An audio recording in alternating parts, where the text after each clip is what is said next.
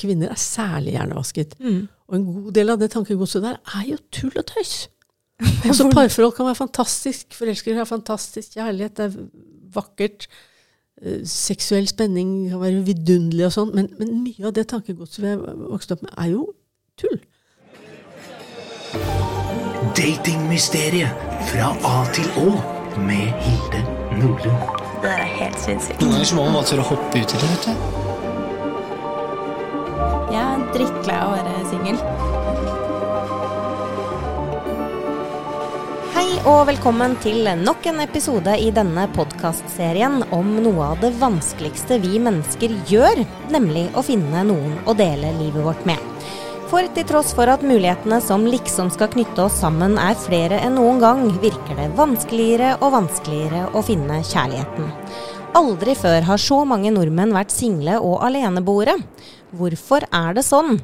I Datingmysteriet fra A til Å skal vi hver uke forsøke å løse datinglivets store og små utfordringer i jakten på den store kjærligheten.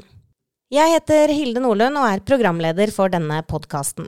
Selv har jeg lagt sju år bak meg med datinglivets opp- og nedturer, og som jeg pleier å si, for å være ærlig har det vært flest av det siste. Derfor har jeg samla et knippe av landets beste psykologer, samlivsterapeuter, sexologer og forskere for å komme til bunns i hvorfor det er så vanskelig å lykkes i denne jakten på kjærligheten. Og kanskje får vi også noen tips om hva som må til. Denne uka er det psykologspesialist, parterapeut og forfatter Eva Tryti som er gjest her hos meg. Velkommen hit. Takk skal du ha. Du, eh, det er noen bokstaver i det alfabetet her som er litt vanskelig å finne tematikk eh, på, så jeg har tatt meg noen friheter. Så på C så skal vi jo snakke om Cupid stupid. Altså, hvorfor blir vi så dumme når vi er forelska? og dette kan jo du eh, veldig mye om. Men først så skal vi snakke om noe som er veldig sånn aktuelt i dagens datingkultur, nemlig dette her med, med chatting og meldinger. Eh, For kan man liksom egentlig bli kjent med noen på chat? Nei, ikke egentlig. Jeg syns ikke det. Nei, hvorfor ikke det? Er fordi, altså hvis du tenker deg at mesteparten av det vi formidler til hverandre, det vi kommuniserer til hverandre, er via kroppsspråk. Bare det sier jo litt, litt om hvor utrolig viktig det er. Jeg husker en gang eh, jeg skulle lære parterapi, og var liksom elev hos noen store guruer, og da kunne vi være bak speil. altså Klientene der inne visste at vi var der. Og det var veldig rart, fordi innimellom så ble vi invitert inn til å reflektere sammen med disse guruterapeutene. Og man satt der ute bak speil og så jo kjempegodt. Det var bare noen meter unna.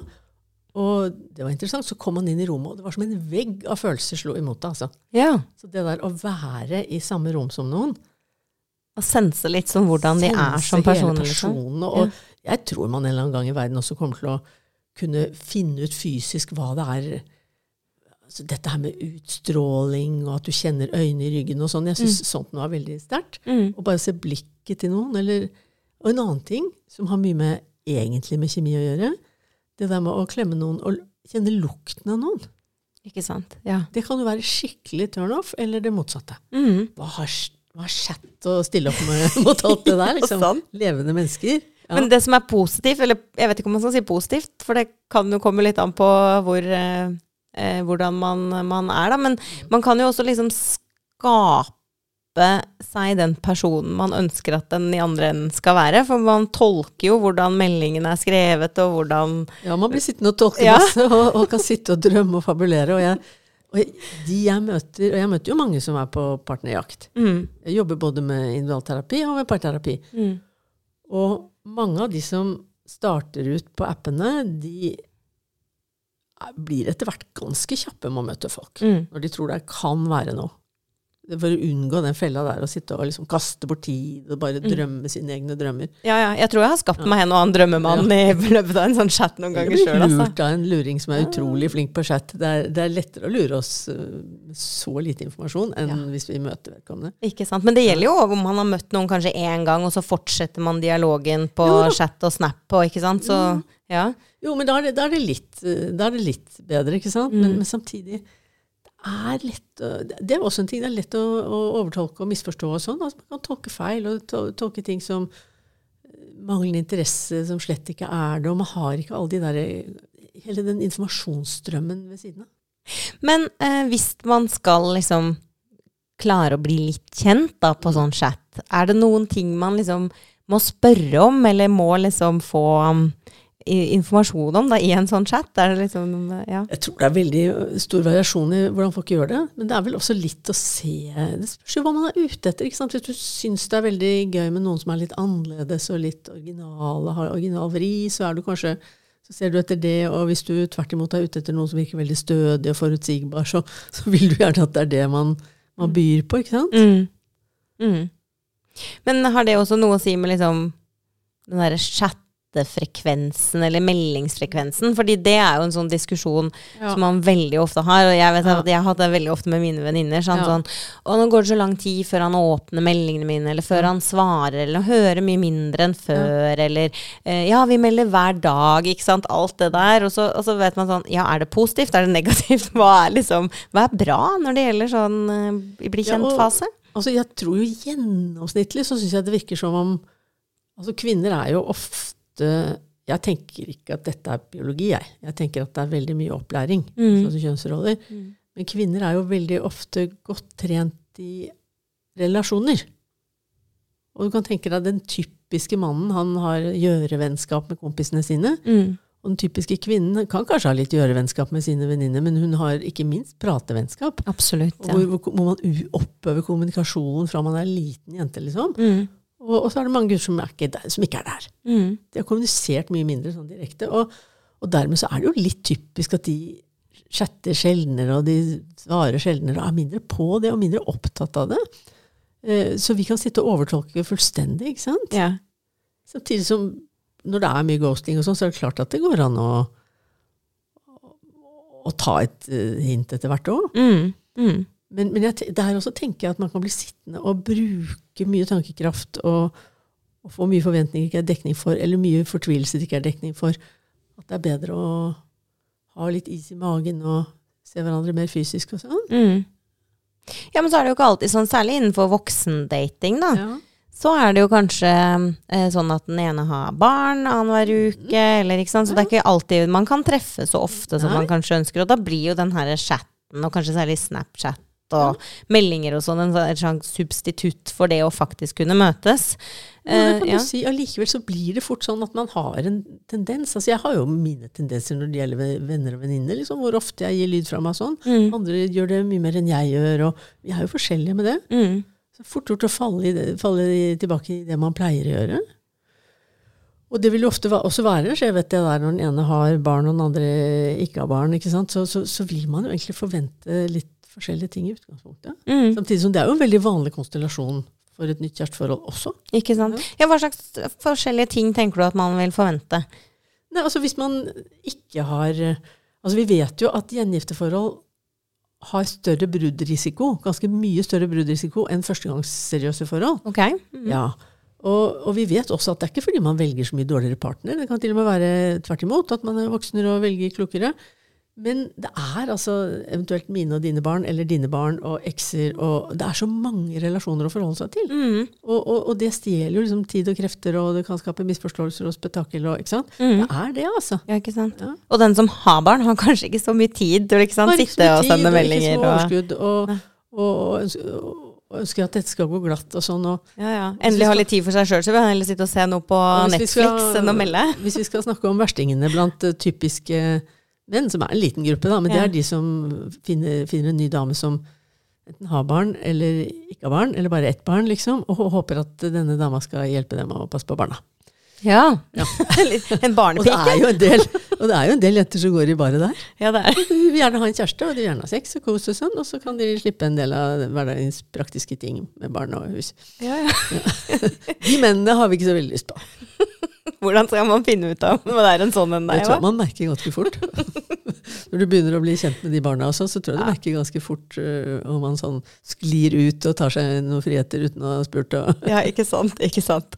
Men mm, dette vet jeg jo at mange liksom eh, lurer på om man får liksom råd i øst og vest om dette her. Men er det sånn at hvis man ikke hører noe hver eneste dag liksom i denne her eh, bli kjent-fasen eller nybegynnerfasen, når det begynner å krible litt i magen og sånn, skal man ta det som et hint om at vedkommende kanskje ikke er så veldig interessert, eller kan man være det allikevel, på en Jeg måte? syns ikke det er noen klare regler for det. Nei. Det er det jeg prøver å si. Altså, dels er det gjennomsnittlig litt kjønnsforskjeller. Mhm. Og husk at når vi sier gjennomsnittlig, det er mange unntak fra den regelen, men gjennomsnittlig kjønnsforskjeller gjør at kvinner ofte er mer på med kommunikasjon, og menn litt mindre på. Mhm.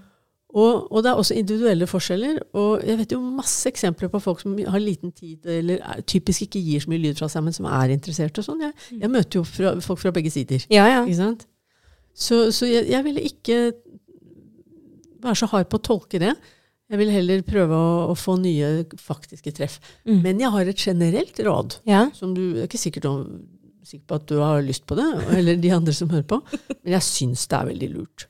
Og kanskje fordi jeg er en godt voksen dame som har jobbet med dette lenge, men vi er jo, altså noe av det som Jeg skrev en bok for lenge siden som het Evig din. Mm. Sex, plikt og kjærlighet. Evig din med spørsmålstegn, da. Ikke sant? Og et av hovedpoengene der er at vi er jo veldig hjernevasket i parromantisk tenkning. Helt fra sånn Jane Austen og utover, ikke sant? Ja, ja. og Hollywood og julefilmer og alt hva vi sitter og, og, og kvinner er særlig hjernevasket. Mm. Og en god del av det tankegodset der er jo tull og tøys. Altså Parforhold kan være fantastisk, forelskere har fantastisk kjærlighet, det er vakkert. eh, Seksuell spenning kan være vidunderlig og sånn, men, men mye av det tankegodset vi har vokst opp med, er jo tull. Sånn at hvis du f.eks. hjertet ditt bakker skikkelig, og du har supertenning, da må du være en utrolig bra partner, eller at det kanskje egentlig fins én perfekt der ute, eller Ja, ja. hvis du virkelig blir forelska mens du er i et forhold, så må du følge hjertets stemme. Altså, også oppegående folk, voksne folk tror jo litt på dette. ja. Det er jo ikke sant! er det litt sånn Er det bare på film av seg, hva? Det er jo ikke sant. Ja, men vi, tror, vi har lett for å tro på det. Så mitt råd i forlengelse av det er at prøv å tenke på det litt som å søke jobb. Når du søker jobb, det kan være skummelt det òg, ikke Ja, sant? Og man skal til intervjuer, og så gikk det ikke, og så ny runde, og man kom ikke til intervju, og man øh, prøver seg frem og tilbake, og øh, må kanskje tenke om igjen på hvordan den CV-en var, og tenke litt om igjen på, på hva, hvilke jobber man søker, og man søker litt feil jobber, og man holder på. Mm. Og så får man jo napp etter hvert. Og så var kanskje ikke den jobben man fikk så bra likevel, så begynner man å søke en annen, og til slutt så havner man et godt sted. Eller man har vært et godt sted en stund, men så har man lyst på noe nytt. uh, og jeg tenker at dating for mange menn, og for en del kvinner, kan være litt sånn. Mm. At det er en del sånne rasjonelle ting ved det også, som gjør at vi kan få det godt. Mm. Og hvis vi ikke legger hele sjela i vektskålen med en gang, vi føler oss litt forelsket, eller lengter etter en kjæreste, så er det lettere å ikke feiltolke, og det er lettere å komme i mål Mm. med et fornuftig menneske som er god, god å være sammen med. Mm. Og vi skal snakke mer om det der å bli forelska, fordi Mm. det er jo eh, Cupid stupid som vi skal snakke om. Men eh, for å gjøre oss ferdig med litt sånn eh, ting som jeg vet eh, mange lurer på når det kommer til det her med, med chatting, da. Eh, fordi eh, du sa i stedet for å, å chatte, så bør man heller prøve å møtes eh, Ja, oftere. Og det er jo ikke sikkert man har anledning til å møtes ofte, men at man finner noen metoder for å få litt mer is i magen. Og, og tenker at man ikke skal gå helt i den der Jane Austen-fella og, og begynne å liksom gjøre dette vesenet, hvert eneste av disse vesenene til noe helt fantastisk. Mm. Og sitte og tolke og tolke og tolke og eh, ringe og spørre hva andre tror og, og sånn. Mm. At man tenker at i hovedsak så skal vi bli kjent ved å møtes. Mm. Og så er det hyggelig med litt chat innimellom. Og totalmangel på respons kan åpenbart være begynne ghosting eller et eller annet. ikke Ja, ja. sant? ja, for hvis det er ingen kontakt ja, mellom møtene òg, så er det litt rart. Ja, men da kan man også gå på litt mer sånn direkte. Ja. Litt sånn som en mann vil gjøre. Hei, hva skjer, liksom? Er du, er du på tur vekk? Mm. Ikke sant?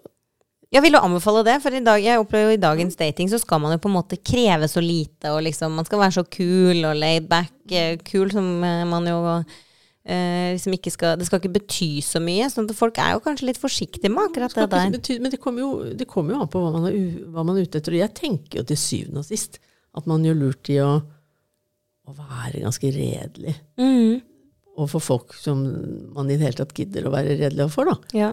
på hva man er ute etter. Og mitt inntrykk er også at folk kan være kanskje mer sånn saklige rundt det. Sånn at de f.eks. sitter der og er jeg vet ikke, noen og 30 og sitter og sier ja, altså, ganske tidlig er du, er du i det hele tatt interessert i å få barn, liksom? ja, ja. For, for ellers så er det uaktuelt for meg, for jeg er i den fasen at det er noe jeg vil, liksom. Og, Og sånn, jeg synes Det var, var man litt mer sånn sjenert for å si for ti år siden, liksom. Ja, ja. Jeg syns en del er veldig, litt mer sånn matter of fact, jeg. Men det er jo ting som er ganske viktig å få avklart Ja, også, før man går videre. Jeg synes også det, det må jo være veldig viktig å få avklart om folk, selv om noen kan ljuge om det, så det må være veldig viktig å avklare om folk faktisk er ute etter noe varig og noe seriøst. Mm. Ja, ja, absolutt. Absolutt. Men um, vi har snakket mye om dette tolke, da. Jeg, jeg er veldig flink til å tolke meldinger og meldingsfrekvenser Altså sånn, og, og sånn. Overtolke litt. ja, ja, absolutt. Og også Ja. lage meg noen sånne unicorn uh, Ja. creatures ut fra hvor, gode, hvor, hvor fine de virker i meldinger, liksom. Ja. Men, men um, dette her med endring i kommunikasjon og chat og meldinger, da, det, det vet jeg jo Det er mye sånn uh, råd om at eh, å ja, hvis det plutselig er en endring i kommunikasjon, eller da bør du være litt sånn på vakt. Det kan bety noe, men, men det må jo ikke det. Altså, men jeg, man vil jo tro at Men igjen, hvorfor er det så innmari farlig å, å være litt mer direkte? Så, Mm. Hei, du blir så stille. Altså, Ja. Og det bør ikke være noe desperado av den grunn. Det, kan jo, det kan jo også bety at jeg gidder ikke å kaste bort tiden hvis du egentlig bare surrer nå. Mm. Sant? Jeg syns det er helt fair, jeg. Men kanskje man er kanskje litt sånn redd for før man liksom har møttes mange nok ganger til at man selv liksom egentlig har landet på om dette er en fyr eller en dame man ønsker å gå videre med. eh, og liksom ødelegge det potensielle med å liksom være for krass på melding, da. Fordi ja. Det var jo krass. Altså, hvis du sånn, så Hei, du ble stille, liksom. Ja. Det er jo også noe med at vi forventer at uh, jenter skal være liksom, eh, høflige og milde og liksom smilende. Menn er ofte ganske direkte, enten man er på møter eller i dating. Mm. Hva skjer? Jeg Har ikke hørt fra deg, liksom. Og, og det er ikke så krast, det. Nei. Er det ikke Nidia? Nei. Det er jo ikke sånn å være så snill. Nei. Nei. Kjøtt. Det kan man prøve å styre unna. Den kan man prøve å styre unna. Men eh, er det liksom noen ting som ikke hører hjemme eh, i liksom chat eller tekstmelding eller liksom sånne type ting i, i form av kommunikasjon? Veldig mye kan jo høre hjemme hvis man vet at man er i det landskapet. For nå tenker jeg på sånn litt mer sånn rå sex-saker. Mm. Men da må man jo vite at den andre er, er på det hakket, liksom. Ja, ikke sant? Ja. Det er ikke alt som trenger å avklares på chat før Nei. man møtes. Nei, nei, for, for det er sånn jeg tenker at hvis det ikke bare åpenbart er noe man er ute etter for å ha sex Ja, ja. nå eller i morgen, ja. så, så er det noe man venter med å, å komme inn på, liksom. Ja, ikke sant? Det tenker jeg. Jeg hadde jo en um, opplevelse av det der jeg skulle møte en Jeg chattet med en fyr på Tinder for uh, noen år siden, og så uh, skulle vi gå tur langs Akerselva. Hadde vi avtalt. Det var hyggelig. Ja. Veldig hyggelig. Det var februar, eh, så det var jo kaldt ute. Og sånn typ minus ti, og vi skulle da møtes et par dager senere. Eh, og han virket jo helt vanlig, og vi hadde normale samtaler på, på chat før vi hadde avtalt å liksom møtes om ja, interesser og hobbyer og hva man så etter osv. Så videre, og så plutselig så sier han sånn Men nå som vi har blitt litt kjent, kan jeg få spørre deg om noe? Jeg bare ja, ja, selvfølgelig, liksom. Og så spør han liker du analsex? Ja. Og da ble jeg sånn Hvorfor er det viktig å avklare før vi skal gå tur? Men det er så totalt turnoff for de fleste damer. Altså, ikke sant? 100 Totalt. Altså, han har et par ting å lære. Ja, jeg tenkte sånn Én, eh, vi har avtalt å gå en tur, så jeg skjønner ikke hvorfor det liksom er viktig for deg å avklare dette Men han før vi jo seg treffes. selv også, da. Ja, det det hører med til historien at det ble aldri noen tur langs Akerselva. Nei, det er no, så det er noen ting som ikke helt hører hjemme når som helst, liksom. Ja, sant. Han er helt magisk. Men ehm, vi skal gå over til eh, dette med forelskelse. Eh, fordi, eh, som sagt, det var jo ikke så lett å finne noe på C, så da tok vi tak i Cupid, eh, som jo er en eh, fin liten skapning. Men hva er egentlig en forelskelse? Altså, dels så er det jo biokjemi. Altså det er eh, oksytocin, dopamin, adrenalin, ikke sant? Altså det er en cocktail som koker i oss. Og man tror jo at det er funnet på i biologien for at vi skal klare å holde sammen mens spedbarnet vokser opp, liksom. Ja. Noe sånt. Fordi det varer jo typisk Hvis man blir forelsket, så varer det jo typisk et halvår, et år, kanskje halvannet, og så er det slutt. Ja. Ja. Og det betyr jo at det, det skal antagelig ha en biologisk funksjon. Og det er jo vi, det er jo, vi er jo liksom forelsket i forelskelsen i denne kulturen, og det er jo også en side ved det der eh, at vi er så veldig sånn parromantisk orientert. Mm. At vi legger så innmari mye til den forelskelsen at hvis den ikke er der, så kan det ikke bli et bra forhold. Og Ja, sant? hvis den er sterkere, så må det være et riktigere forhold. Og, og hva er gærent med meg som ikke forelsker meg? Og det er veldig mye sånn. jeg kjenner til disse, denne tankevirksomheten her. Og andre av oss vi forelsker oss kjempelett, men, Ja. vi, men vi har lært etter hvert at det behøver ikke bety noe. Det bare er litt hyggelig. Det er jo en rus. Det er jo en bio, naturlig biologisk rus. Og rus er jo deilig, liksom. Litt vondt og litt deilig. Ikke sant? Men er det derfor liksom at kanskje um, det også virker som det er vanskeligere og vanskeligere å liksom finne kjærligheten i dag, da? Fordi man er mer liksom fokusert på den korte rusen og spenninga og det der å møte en ny fremfor å liksom bruke tid på å etablere skikkelige relasjoner, liksom. Det kan absolutt. Jeg, jeg vet jo at, at det er fort gjort Altså, jeg er i et langvarig forhold, men det betyr jo ikke at jeg aldri har vært i andre forhold. Men, men jeg snakker med masse folk som er i disse datinginstitusjonene, men jeg er ikke i det selv. Mm. Ja? Men, eh, men det at man kan sveipe, at man tingliggjør hverandre mye mer, Mm. sitter der og sveiper, og det er disse bildene og sånn, det skjønner man jo. At, at det er uheldige sider ved det. ikke sant? Ja, ja. Og også den følelsen av det, ja, kanskje jeg kan få noe bedre, eller altså sånn, som, som blir veldig ytre. og veldig sånn ytre. Mm. Uh, og, og også at man kan lettere overtolke eller feiltolke småting og tenke nei, det der er turnoff, eller det, det da gidder jeg ikke. Mm. Og, og bli behandlet på den måten. Så, så det tenker jeg jo. Men, men, men det du sier der, tror jeg også har noe for seg. At de som liksom har, får et kick av enten av å ha sex med mange partnere Og det er jo ikke forbudt, det. Nei, nei. Selv om jeg syns man skal være åpen på det Mm. på, på et tidspunkt hvor det passer. Som skal være nokså tidlig i kontakten. Det er greit å vite. Ja, Liksom, veldig greit å på med flere. Ja. Ja. Eh, Men også at man kan ha, være forelsket i forelskelsen. At man kan ha, elske, elske selve den rusen. Ja, ja. Ja. Ja, for det er jo en sånn godfølelse, eller forelskelse Ja. skal jo i hvert fall være en sånn god Godt og følelse. vondt. Da. Ja. Alt Mm. etter hvor intenst det er, og hvordan du styrer hvor mye du styrer tankene dine rundt det, og hvor Ja. mye du legger i det. ja, Ja. fordi um, Hva er det som egentlig må til for at en forelskelse skal oppstå? At du er en person som, som er åpen for å forelske deg i kropp og sjel. Ok, Man må Ja. liksom bare være Det klar. har noe å gjøre med deg. Ja. ja altså Det var en som skrev en bok som ble oversatt til nynorsk. En Alberoni, en italiensk sosiolog som er en sånn klassiker, som skrev 'Forelsking og kjærleik'. Og han beskrev det som at øh, når du er sårbar for, eller åpen for, en voldsom forelskelse, Mm. Det er når du har depressivt underskudd. Du har gått og lengtet og vært litt sånn trist og grå lenge, enten du er i et forhold, eller du ikke er i et forhold. Og, og livet har vært litt sånn tømt for mening, og så plutselig så er det noe som, noen som beveger deg. Og da kan det ta av voldsomt, fordi da, i forhold til det litt sånn triste grå du har stått i en stund, så blir jo da den forelskelseskjemien helt fantastisk. Og, det, og når man er voldsomt forelsket, så man ser, har jo virkelig rosa briller på. Ja, ja. Og man, man er i drømmeland, altså. Ja, for det, for det er jo litt interessant, ikke sant. Hvor, for, for det mange virker jo som de liksom ja, nesten går inn i en slags transe, Ja. sant, når de er forelska, og det er det eneste som betyr noe, er dette andre Rusa mennesket. med Ja. skylapper på. Ja. Og det er jo også en grunn til at det er bra at det tross alt ikke varer lenger enn halvannet år. og sånn, fordi man blir jo gal og selvsentrert, og, eller sånn tosomt selvsentrert kan man bli da, hvis det er gjensidig og sånn. Så man, andre folk går jo for lut og kaldt vann i, i livet hennes og sånn. Eh, Og man kan jo skite i jobben og alt. Gamle døende mor. Altså helt besatt, ikke sant? Akkurat som en rusa person. Mm. Men Ja. er det da rett og slett disse hormonene som, Ja. som løper løpsk? Det er Altså, det- biologien det- som løper ja. løpsk. Men det virker Men jo som det- noen kan kontrollere det mye mer enn andre. Ja, altså det er jo, altså For det første så er det noen som har lettere for å, for å bli forelska. Noen har lettere for å le, og noen har lettere for, for å få orgasme. Og, ikke sant? Vi er Mm. forskjellige. Og, men noen er også mer begeistret for det. Så når de kjenner liksom litt eh, bevegelse, så liksom åpner de mer og mer for det. Og da skjer det jo, liksom. Mm.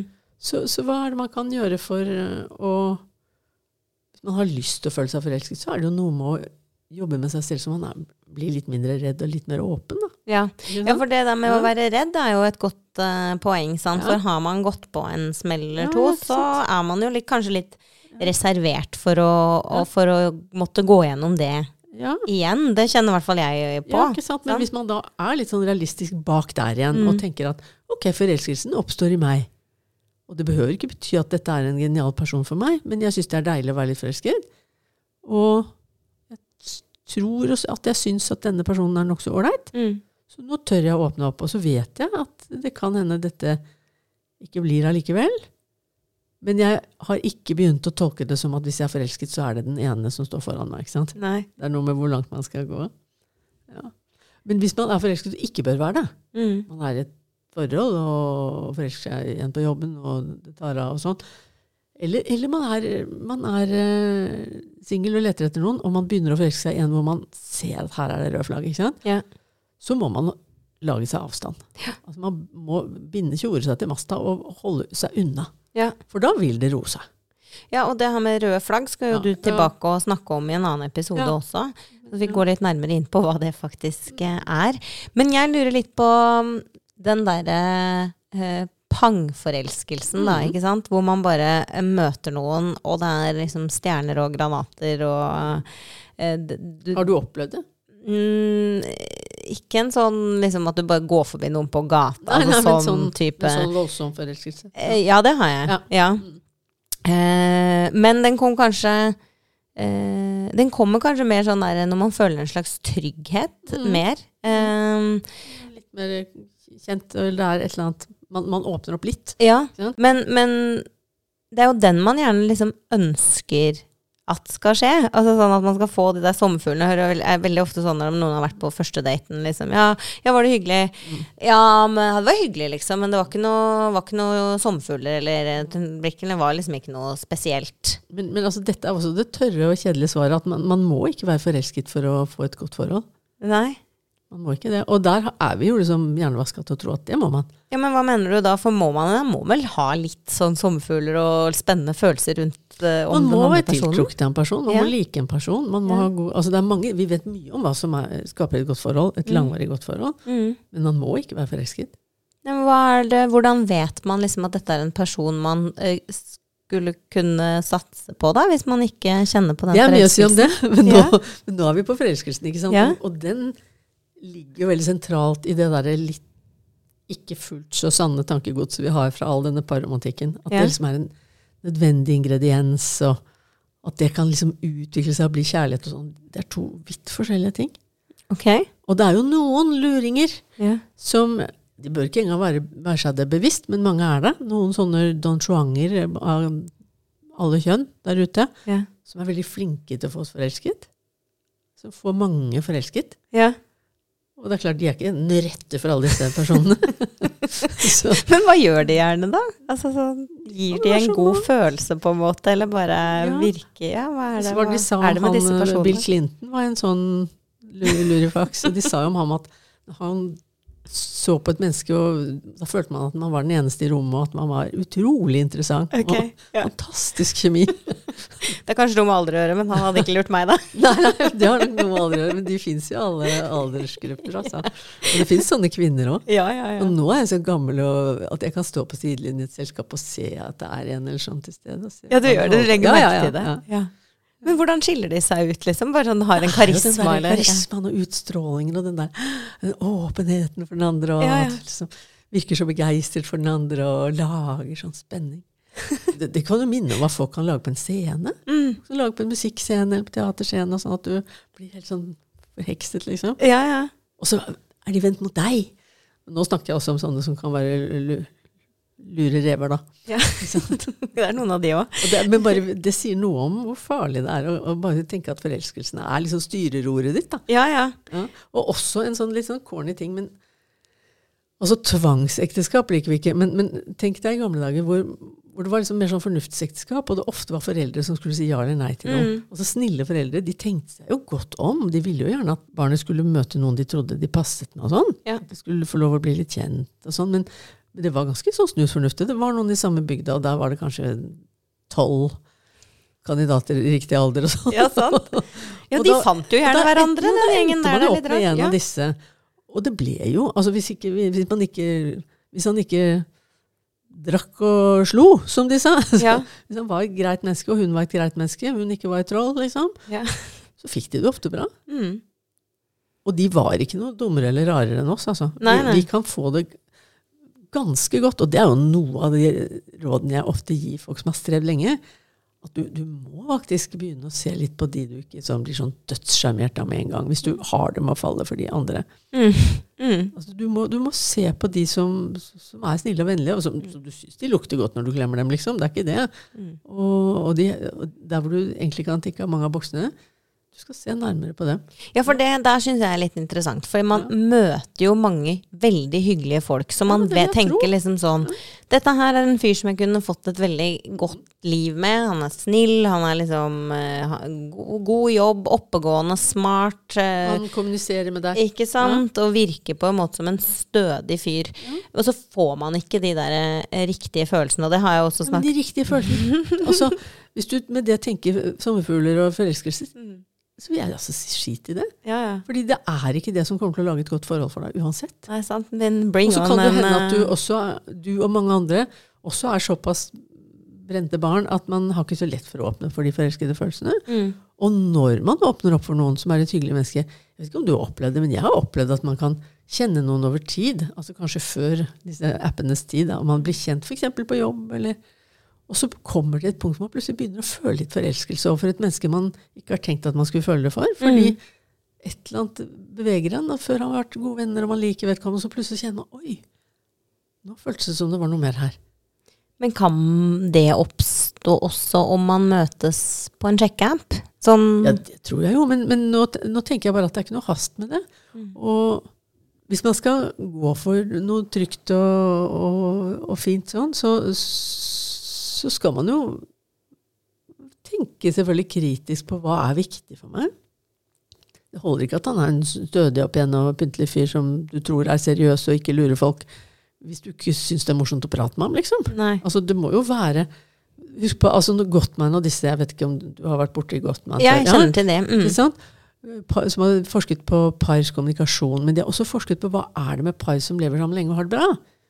Hva er det som skal til, liksom? Mm. Og det er jo suksesshistorien, og det er veldig viktig. Og det typiske er at de kommuniserer mye og bra. Mm. Om stort smått, og drømmer og hva jeg så på T-banen i dag, og hva Ikke sant? Ja. Og de bruker tid sammen.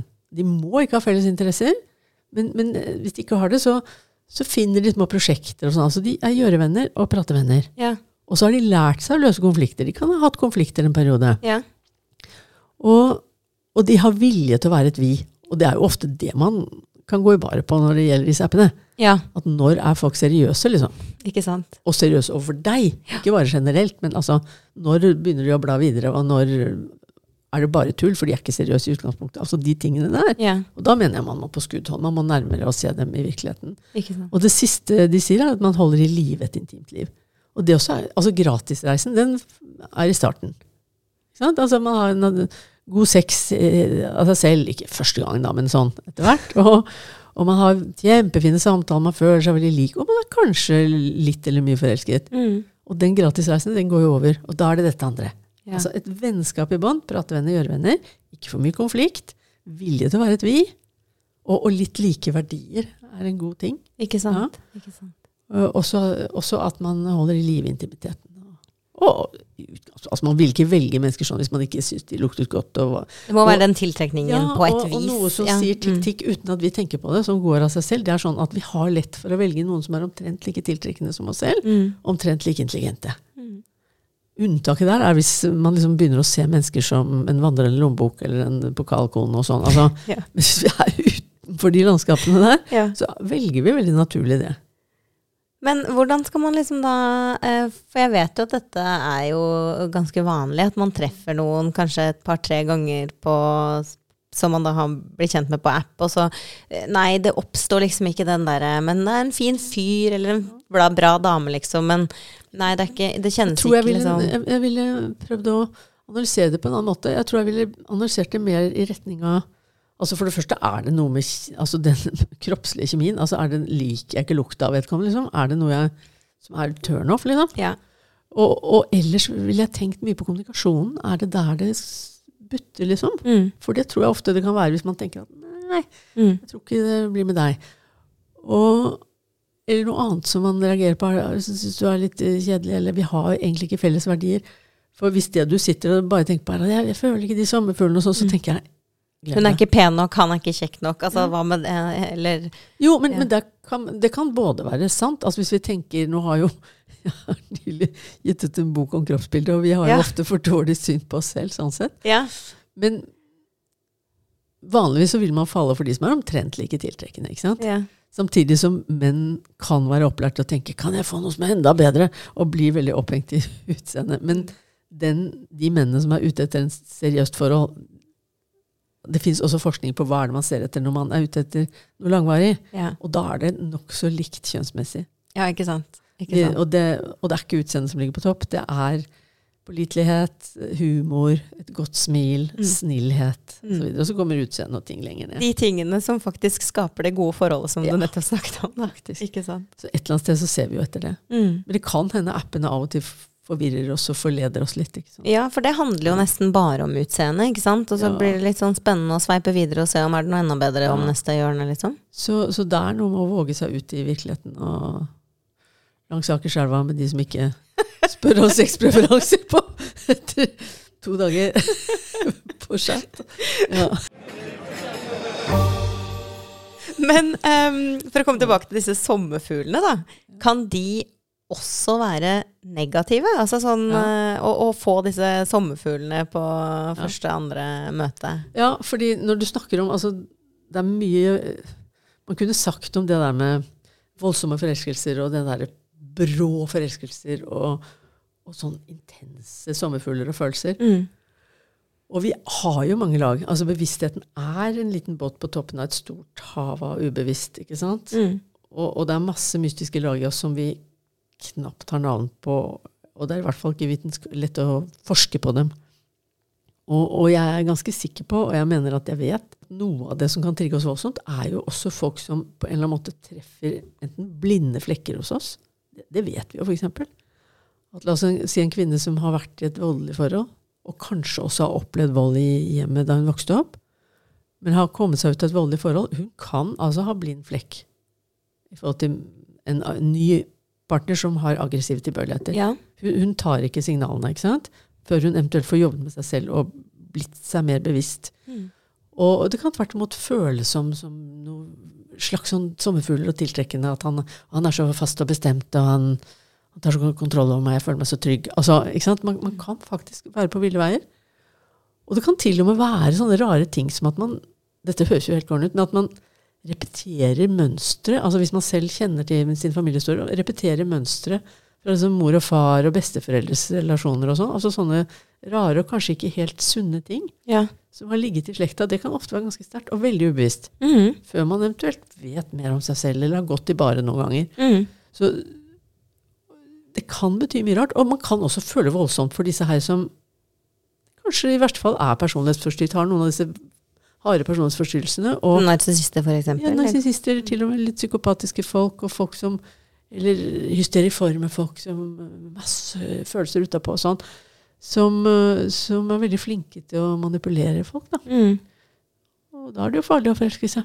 Ja, ikke sant. Og jeg kan, jeg kan liksom kjenne at jeg av og til nesten blir Hvis jeg treffer noen som jeg syns er veldig ålreit, da. At jeg nesten kan bli litt sånn forelsket i det håpet om at det er sånn Oi, kanskje, den, kanskje jeg nå har liksom møtt denne som jeg har uh, sett etter en stund, da. For nå har jeg vært singel noen år, sant. Og at jeg da liksom bygger meg opp en sånn derre veldig sånn håp eh, om at liksom åh, denne gangen er det riktig.